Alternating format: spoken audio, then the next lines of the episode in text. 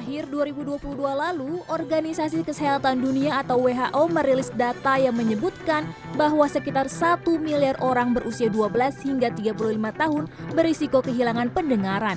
Penyebabnya adalah terlalu lama terpapar musik keras dan suara lainnya.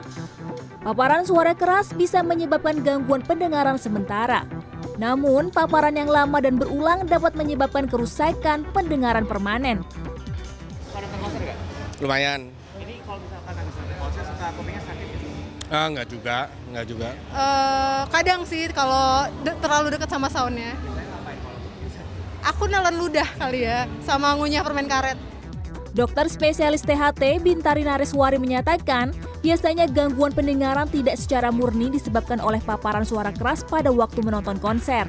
Ada beberapa hal lain seperti faktor usia, kotoran yang menumpuk di dalam indera pendengaran hingga bakteri. Kalau akibat konsernya murni sih hampir jarang ya, gitu. Eh, misalnya benar-benar setelah nonton konser terus besoknya hilang pendengaran gitu. Eh, karena hilang pendengaran tuh ada yang sementara, bisa juga karena trauma akustik tadi eh, akibat konser, atau yang menetap. Nah itu baru benar-benar syaraf pendengarannya. Tapi tidak semudah kita nonton konser terus besoknya eh, atau lusanya gitu tiba-tiba kita hilang pendengaran enggak sih Bagaimana caranya agar tidak mengalami gangguan pendengaran setelah menonton konser?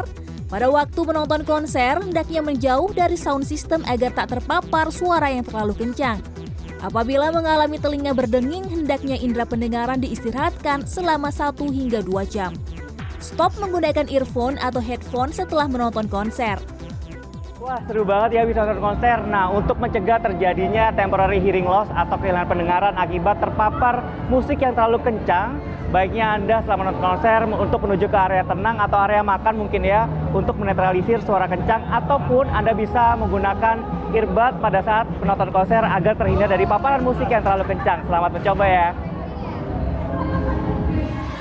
WHO mengeluarkan standar baru dalam hal menonton konser yaitu maksimal 100 desibel.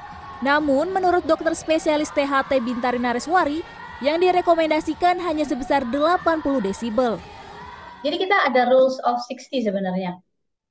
Eh, rules of 60 itu jangan mendengar suara keras lebih dari 60 menit. Ah, terus kalau dari volume suaranya tuh dari sat- 0 sampai 100% jangan lebih dari 60% gitu. Eh, dan sebenarnya ada tidak boleh juga melebihi lebih dari 80 desibel.